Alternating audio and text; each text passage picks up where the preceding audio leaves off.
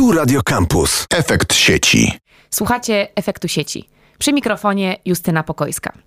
Wiele w naszej audycji poświęciliśmy uwagi algorytmom, ale raczej myśląc w kontekście jakiejś optymalizacji, którą przynoszą, czy pomocy w podejmowaniu decyzji. Natomiast no, to, co jest takim e, wątkiem nieruszonym, to to, co się dzieje w środku tej czarnej skrzynki. Algorytmy to takie czarne skrzynki, do których wchodzą jakieś dane i wychodzą jakieś inne. Natomiast jakie kody są w środku i co doprowadza nas do takiego, a nie innego wyniku, o tym zazwyczaj się nie mówi. Nie mówi się też o tym, jak chronić te dane, czy kody źródłowe i co wolno nam zrobić z nimi, czy mamy do nich dostęp i komu ten dostęp e, udostępnić, mówiąc bardzo wprost. I o tym wszystkim porozmawiam dziś z naszą znakomitą gościnią, a jest nią dr Joanna Mazur z Wydziału Zarządzania Uniwersytetu Warszawskiego i z Delabu oczywiście. Cześć Asiu. Cześć. Asia, ja mówię o algorytmach, o kodach źródłowych, o danych źródłowych i to na pewno nie może być to samo, prawda? Na pewno prawnik powie, że to są różne pojęcia, które znaczą co innego. Jakbyś mogła nam wyjaśnić, zaczynając od samego początku, czym jest algorytm w tym języku prawniczym, kod źródłowy czy te inne dane, gdzie jest ta różnica?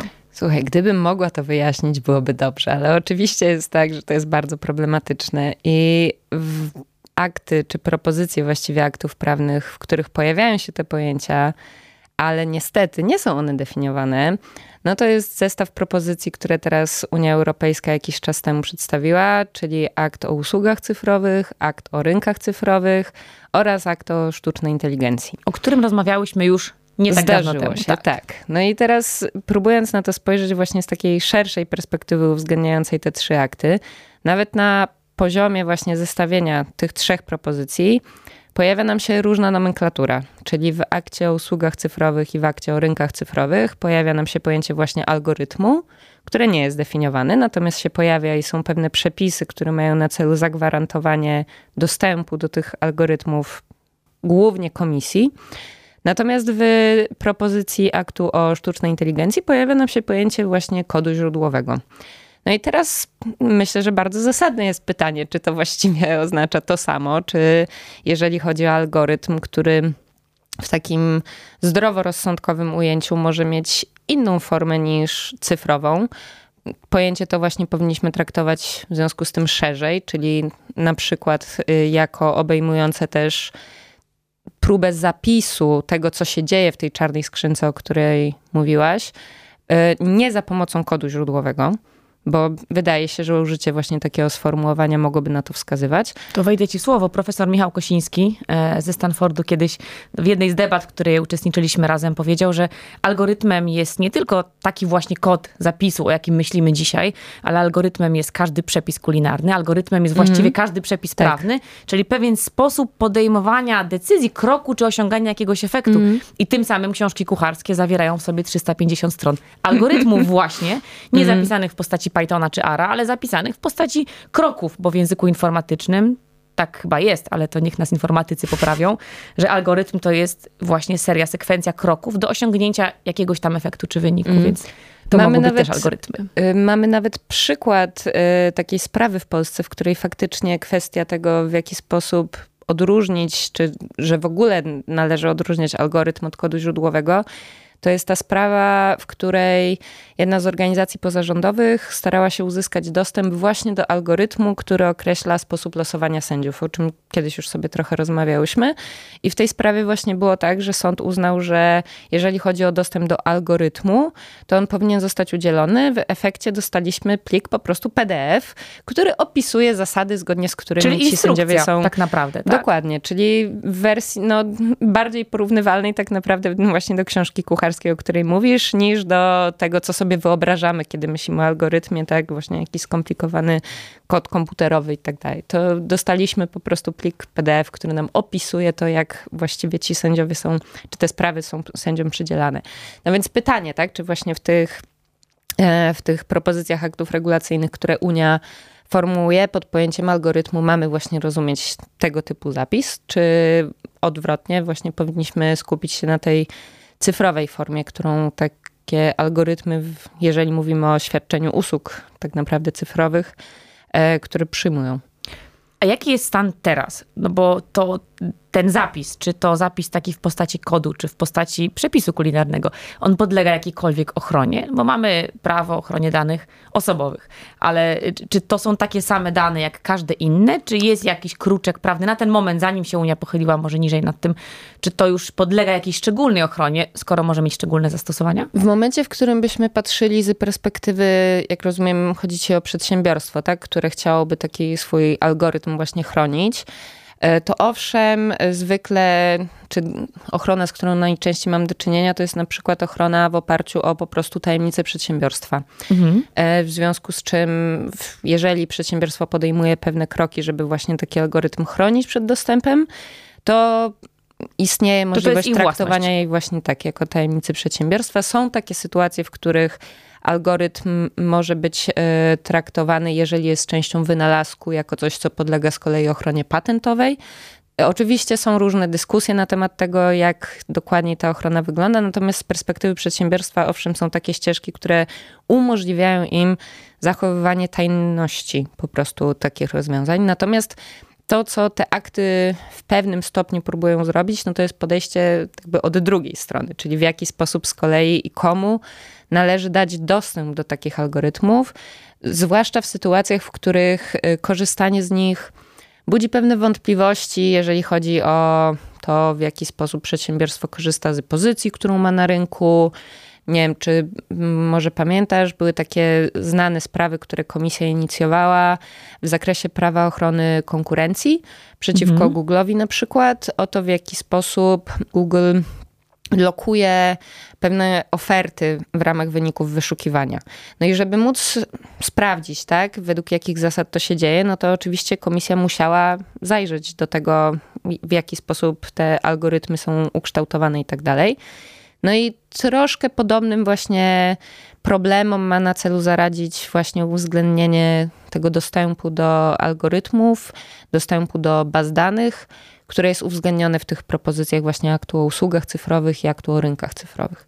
Właśnie, a jak to w ogóle wpływa na rynek? No bo jeżeli przedsiębiorstwo ma taką własność w postaci algorytmu, to rozmawiałyśmy kiedyś o Amazonie, zdaje się, że um, oni, e, to też był taki e, zbajasowany, czyli krzywdzący algorytm, który jakby wprowadzali chyba przesyłki premium i zdaje się, że to, to było tak, że w pewnych e, częściach różnych Stanów Zjednoczonych nie wprowadzili tej oferty premium, bo tam algorytm im wykazał, że potencjalnie nie będzie osób zainteresowanych, a chodziło o to, że tam było duże nagromadzenie osób o odmiennym kolorze skóry. Mhm. I było to dyskryminujące, ale tak nie bezpośrednio, tylko pośrednio.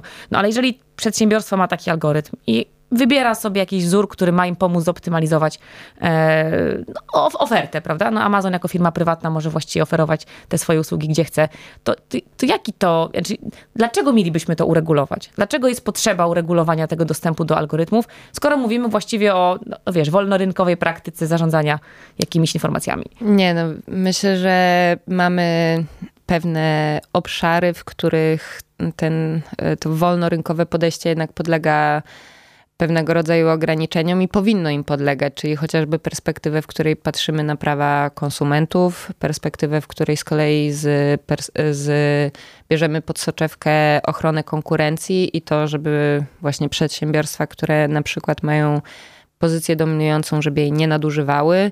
W momencie, w którym myślimy z kolei o rozwiązaniach z zakresu prawa antydyskryminacyjnego i to, że jednak istnieją takie przepisy, które mówią o tym, że ze względu na pewne przesłanki dostęp do towarów i usług nie powinien być różnicowany pomiędzy mhm. różnymi konsumentami. Więc e, z perspektywy istniejących regulacji, możemy powiedzieć, że są takie sytuacje i są takie obszary, w których ten dostęp do algorytmów jest nam właśnie potrzebny do tego, żeby zagwarantować, że jest przestrzegane prawo, które już istnieje. Czyli już nawet nie mówimy w tym momencie o konieczności przyjmowania jakichś nowych aktów prawnych, nie? tylko myślimy o tym, że w ramach prawnych, które, które mamy i w ramach pewnych gwarancji, które nam są przez to prawo y, oferowane, żeby być w stanie skutecznie sprawdzać, czy te nasze prawa są przestrzegane, potrzebujemy tego dostępu do algorytmów. I to możemy też, czy jeżeli chodzi właśnie o tę propozycję związaną z e, regulacją w akcie o rynkach cyfrowych, to głównym celem tego aktu jest właśnie zagwarantowanie, żeby te rynki cyfrowe były, rynki cyfrowe były bardziej sprawiedliwe, w związku z czym... Transparentne też, tak? Tak, w związku mhm. z czym właśnie pomysł jest taki, że żeby zagwarantować tę sprawiedliwość, to musimy mieć wpisane w treść tego aktu właśnie pewne uprawnienia i te uprawnienia akurat w tym wypadku są głównie przyznane Komisji. Komisji Europejskiej? Tak, mhm. żeby ona była w stanie weryfikować, jak te największe przedsiębiorstwa, bo to o nich mówimy i to jest swoją drogą ciekawy wątek, y, jak one są zdefiniowane i dlaczego tak bardzo się na nich skupiamy. E, no w każdym razie, żeby komisja miała właśnie jakiegoś rodzaju narzędzia pozwalające weryfikować, y, jak te przedsiębiorstwa największe właśnie postępują. To... Dlaczego tak bardzo skupiamy się na tych przedsiębiorstwach zatem? No takich właśnie, dużych właśnie, i dlaczego to one rozdają karty w tych świetny, dokumentach? To jest świetne pytanie, bo z jednej strony, kiedy spojrzymy na to, jak wyglądają rynki cyfrowe, to w jakiś sposób wydaje się to naturalne, że skupiamy się Gafa? na tych największych tak. dokładnie przedsiębiorstwach, no bo są one w dosyć unikatowej, nazwijmy to unikalnej pozycji i ciężko Google, jest wskazać Facebook, konkurentów. Amazon. Microsoft. Microsoft, Apple. I Bruegel przeprowadził taką analizę, w której zestawiają różne wersje propozycji właśnie e, tego aktu o rynkach cyfrowych wzięli bodajże 22 ten, różne przedsiębiorstwa technologiczne, no i patrzą w zależności od kryteriów, które w tych różnych propozycjach aktu o rynkach cyfrowych są przedstawione, które z tych przedsiębiorstw będą spełniały te warunki, które tam zostały przewidziane. No i wyszło im na to, że właśnie te przedsiębiorstwa, które dopiero co wymieniłaś, e, w każdej wersji e, by się łapały. Przy czym w jednej jest tak, że chyba prawie tylko one właściwie spełniałyby te kryteria, bo tam e, mamy do czynienia z kryteriami, które z jednej strony mówią o liczbie użytkowników mhm. danej usługi, z y, drugiej strony mówią też o obrotach tego przedsiębiorstwa, więc y, jakby w zależności od tego, jak wysoko wyznaczymy te progi, no to po prostu mniej e, tych gigantów mniej lub więcej tak, tak nam będzie wpadało. No i wiadomo, że można na to spojrzeć z takiej perspektywy też, że E, Unii zależy na tym, żeby uregulować tak naprawdę głównie przedsiębiorstwa, które są przedsiębiorstwami ze Stanów Zjednoczonych. Może trochę dogadać się też z nimi, prawda? Żeby tutaj no. zostali, chcieli być na terenie Unii. Mm, no, pytanie, czy w ogóle traktujemy na poważnie tego rodzaju groźby, kiedy oni mówią, że będą się wynosić z Unii, bo już nie raz, nie dwa słyszeliśmy takie informacje, natomiast wydaje się, że jednak Unia jest na tyle cennym rynkiem, tak, i na tyle mamy tutaj nazwijmy to, bogatych konsumentów, że nie byłoby aż tak łatwo zrezygnować z jednak obecności e, na rynku unijnym, zwłaszcza jako całości, tak? Więc myślę, że czy ja jestem raczej ostrożna tak naprawdę, jeżeli chodzi o właśnie tego typu groźby, które czasami, znaczy właśnie tak, może groźby w ogóle to nie jest to słowo, ale jednak zwykle to trochę brzmi jak groźba, nie? Natomiast e, Zakręcimy wam Co Facebooka. do tego, na ile tak. powa- po, poważnie one mogą być traktowane, to mam pewne wątpliwości. To są te algorytmy wykorzystywane w prywatnych e, przedsiębiorstwach, no, mniejszych lub większych, raczej bardzo dużych, o czym mówimy, ale jest też cała grupa algorytmów, które są, no właśnie, na usługach administracji publicznej. Tak mhm. jak powiedziałaś, ta historia z Polskim Wymiarem Sprawiedliwości, co mhm. udostępnili bez kodu ten dokument czyje są te algorytmy, na przykład na podstawie których podejmowane są decyzje. No w Polsce to mówimy o losowaniu sędziów, ale w Stanach przecież system Kompas, który wspiera decyzje sędziów, już chyba wycofany w większości, e, e, w większości miejsc i, i, i e, tych okręgowych sądów, ale czyje są wtedy te kody źródłowe? One są państwowe to jest ogromny i jest wtedy problem. dostęp do informacji publicznej? Jak to jest rozwiązane? To jest, to jest właśnie ogromny problem, ponieważ zwykle jednak jest tak, że państwo kupuje licencję czy możliwość korzystania po prostu z takiego kodu. Nie rozwija takich rozwiązań, zwykle nie rozwija takich rozwiązań samo.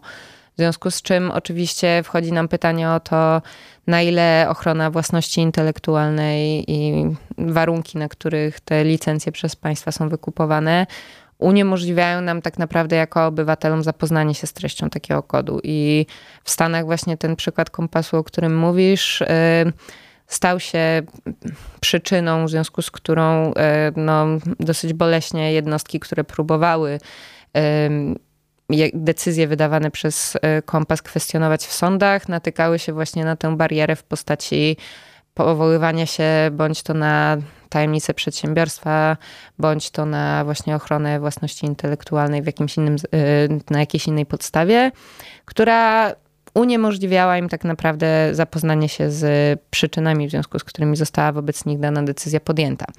No i na poziomie e, wprowadzania jakiegoś rodzaju wymogów dotyczących tego, jak państwa mogą wdrażać takie zautomatyzowane właśnie podejmowanie decyzji w sektorze publicznym, to postulat tego, żeby jednak były to rozwiązania, które są oparte na e, otwartym kodzie źródłowym, no, wydaje mi się godny, godny wzięcia pod uwagę, mm. tak, i, i wzmocnienia, jeżeli chodzi o po prostu budowanie tej przejrzystości i tej rozliczalności algorytmów, o której tak często się słyszy i tak często się mówi. A te instytucje chroniące prawa człowieka i obywatela nie wkraczają wtedy jako kolejna instancja.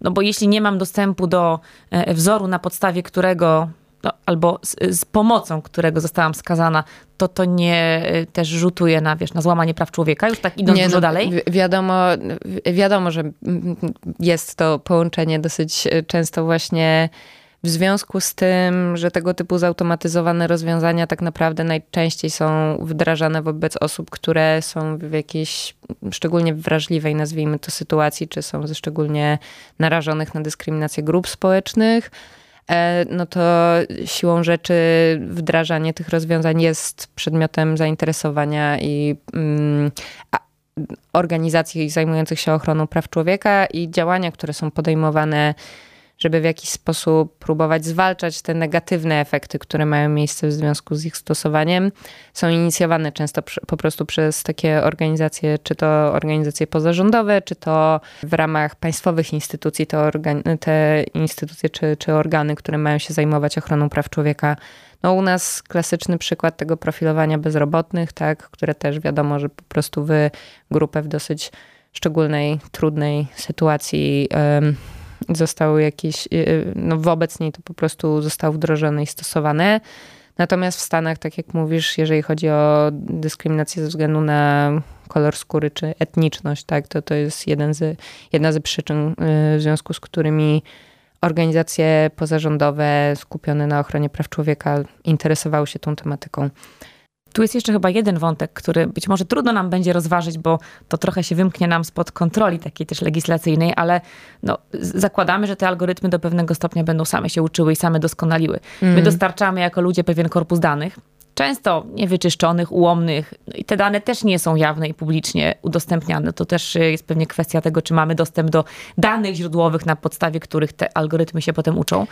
No ale właśnie tylko... istnieje potem rozwój tego algorytmu. Jeśli te dane były skrzywione, no to wiadomo, że ten algorytm będzie multiplikował to skrzywienie i ono w skali potem będzie naprawdę rzutowało na te wyniki. Czy tutaj jest jakiś namysł nad tymi danymi źródłowymi? Jak najbardziej. To y, właśnie w zakresie tych rozwiązań, które pojawiają nam się w akcie o usługach cyfrowych i w akcie o rynkach cyfrowych. W, dokładnie w, tym samym, w tych samych przepisach, które mówią o dostępie do algorytmów, pojawia się też jakby sformułowanie, że również dostęp do baz danych powinien zostać zagwarantowany. Natomiast w odniesieniu do tych problemów, które w związku z dyskryminacyjnością takich rozwiązań mogą się pojawić, to więcej może potencjalnie nam dać tak naprawdę ten akt dotyczący sztucznej inteligencji z kolei, ponieważ tam co prawda w odniesieniu do wąskiej tak naprawdę grupy zdefiniowanych systemów e, wysokiego ryzyka. Natomiast... To są te cztery przykłady, przypadki, o których to, rozmawiałyśmy. To, to, to są te zakazane, natomiast tak. oprócz tych zakazanych mamy też te systemy, czy obszary, w których zastosowanie sztucznej inteligencji mogą być wskazane właśnie jako obszary wysokiego ryzyka, na przykład w odniesieniu do zatrudnienia, do e, rekrutacji, do usług publicznych, więc no, w sumie te obszary, o których mówimy. W odniesieniu do nich pojawiają się pewne wymogi dotyczące tego, jak powinien być monitorowany właśnie to, czy te rozwiązania mają jakiś bias w sobie, czy nie wiem, stronniczość możemy to po polsku nazwać, czy y, uwzględniają właśnie konieczność jakiejś takiej reprezentatywności danych. Natomiast oczywiście pojawia się ogromne pytanie o to, na ile e, ogólne sformułowania, które w prawie się pojawiają, które postulują tego typu kontrolę, czy myślenie w ogóle o tym aspekcie rozwiązań technologicznych, które wprowadzamy. Jak przekuć te rozwiązania w to, żeby w praktyce rzeczywiście takie testy były wystarczająco adekwatne w stosunku do zagrożeń, które te zastosowania generują. To jakie są teraz kolejne kroki, już tak na zakończenie? Mamy te trzy akty, o których mówisz. Cały czas są, toczą się nad nimi prace. W odniesieniu do aktu o usługach cyfrowych podobno już mamy wersję ostateczną, czekamy na jej publikację. Co do innych, to nadal są e, procedowane przez e, instytucje unijne. No i zobaczymy. Możliwe, że jeszcze w tym roku przynajmniej część z nich zostanie przyjętych. No i wtedy będziemy przede wszystkim znali ich ostateczną formę, no i będziemy wtedy wiedzieli, od kiedy staną się prawnie wiążące. Ale to oznacza dla Polski na przykład i dla naszego rynku, że my jeszcze musimy dostosować nasze prawo do tego, tak? Akurat Bo to są w dyrektywy, tych, czy... nie, akurat, hmm, akurat w wypadku tych, tych trzech y, jest tak, że są to propozycje rozporządzeń, w związku z czym w momencie, w którym one wejdą w życie, no to automatycznie wejdą w życie we wszystkich państwach Unii Europejskiej, staną się prawnie wiążące. Także e, unikniemy tego jeszcze tych dodatkowych lat, przynajmniej w odniesieniu do samego jakby stosowania tak, tych aktów, który, tego czasu, tak, które wymagałoby jeszcze dostosowania prawa krajowego. Natomiast oczywiście w samym rozporządzeniu też można przewidzieć, że dopiero za jakiś czas ono stanie się e, ostatecznie obowiązujące, więc jakby e, w momencie, w którym będziemy mieli ostateczne wersje, to będziemy dokładnie znali te daty, czy staną się one tak sławne jak kiedyś data wejścia w RODO, e, wejście w życie RODO, które tam 25 maja, bo, świata. tak, to E, wzbudzała bardzo dużo emocji i wszyscy już czekali na ten moment z niepokojem. Czy będzie podobnie, jeżeli chodzi właśnie o ten pakiet? A z Twojej perspektywy prawniczej, e, które z tych rozporządzeń, które z tych zapisów będzie najważniejsze dla nas, czy dla, dla konsumentów i odbiorców tego rynku, który będzie regulowany? No Na co my mamy tak czekać? pytanie. co, co jest takie, wiesz, co spędza e, sens powiek, co, co nam rzeczywiście odczuwalnie zmieni rynek, no bo pewne zapisy być może nawet gdzieś są, ale my o nich za bardzo nie wiemy, ale będą tam takie zapisy, które realnie wpłyną na to, na przykład na informację myślę, publiczną. To, wiesz co, myślę, że to bardzo zależy od tego, jaką ostatecznie one formę przybiorą, bo na przykład y, jeżeli chodzi o ten akt o sztucznej inteligencji, co do którego wydaje mi się, że potencjalnie mógłby mieć większy wpływ na zastosowanie tego typu rozwiązań w stosunku do naszych indywidualnych sytuacji, e, no to począwszy od tego, jak ostatecznie zostanie zdefiniowana sztuczna inteligencja, przez to, jakiego rodzaju i komu ostatecznie uprawnienia zostaną w tym akcie nadane, wyznaczy nam zakres tego, na ile to praktyczne znaczenie dla nas w życiu codziennym mm, tak naprawdę e, się pojawi. No bo też właśnie już wracając do tego RODO na przykład, e, jak się nad tym zastanowimy, co ostatecznie w naszych codziennych życiach się zmieniło, no to w sumie po prostu więcej klikania, że na wszystko się zgadzamy, więc wiadomo, że można mieć pewne wątpliwości co do tego, na ile skuteczna będzie ta ochrona. Natomiast z takiej perspektywy bardziej uwzględniającej sam, nie wiem, nazwijmy to ekosystem, tak, ten mm, funkcjonowania przedsiębiorstw y, określanych jako big tech, no to wydaje mi się, że ten akt o rynkach cyfrowych może mieć duże znaczenie i właśnie to, w jaki, które z tych przedsiębiorstw będą się łapały do tego, do tego sformułowania, do tej kategorii gatekeeperów, którzy właśnie będą bardziej mm, zobowiązani do tego, żeby pewnymi danymi się na przykład dzielić, pewne informacje udostępniać, pewnych usług y, nie wiązać ze sobą, nazwijmy to także. Y, Digital Market Act, tak? DMA Dokładnie. w nomenklaturze prawniczej. Dokładnie. Śledzimy, przyglądamy się. Y, Asia, no z naszej perspektywy pewnie najważniejsze, żeby czuwać i, i mieć rękę na pulsie, bo to może się okazać za chwilę już implementowanym prawem, będziemy wszyscy grali w tę samą grę na tych samych zasadach, chyba że jesteśmy gigantem cyfrowym, wtedy mamy trochę no inne zasady, zobaczymy. ale zobaczymy. Może, może GAFA nie ucieknie z Europy, a może, a może powinni, to pewnie temat na zupełnie inną rozmowę. E, za dzisiejszą bardzo Ci dziękuję, bo algorytmy jako czarna skrzynka dla nas zupełnie niezrozumiałe. No, dla Ciebie to jednak jest inna perspektywa, bo tu prawo reguluje to, co nieznane i przynajmniej e, daje nam, obywatelom, użytkownikom sieci jakieś, jakąś podstawę do tego, żeby chronić nasze interesy w tym całym e, czarnym, magicznym świecie algorytmów, kodów źródłowych i danych źródłowych. a może dożyjemy czasu, że wszystkie te dane będą publicznie dostępne i przejrzystość sieci Oj, nie, obiecywana czy, nie wiem, czy chciałabyś widzieć, co w nich jest. Myślę, że, że może tak, że może e, rzeczywiście zostańmy w tym punkcie, a niech czas przyniesie kolejne rozwiązania E, i nasze kolejne rozmowy, Asia, bo to na pewno nie koniec. Wiesz, że będziemy wracać do tego tematu. E, Za dzisiejsze bardzo dziękuję. Naszym gościem była Dzięki. dr Joanna Mazur, prawniczka z Wydziału Zarządzania Uniwersytetu Warszawskiego, analityczka Delabu. Słyszymy się na pewno niedługo, a ja zapraszam już na kolejny odcinek Efektu Sieci. Justyna Pokojska, do usłyszenia. Efekt sieci. Campus, campus, sztosy, sztosy. Same sztosy.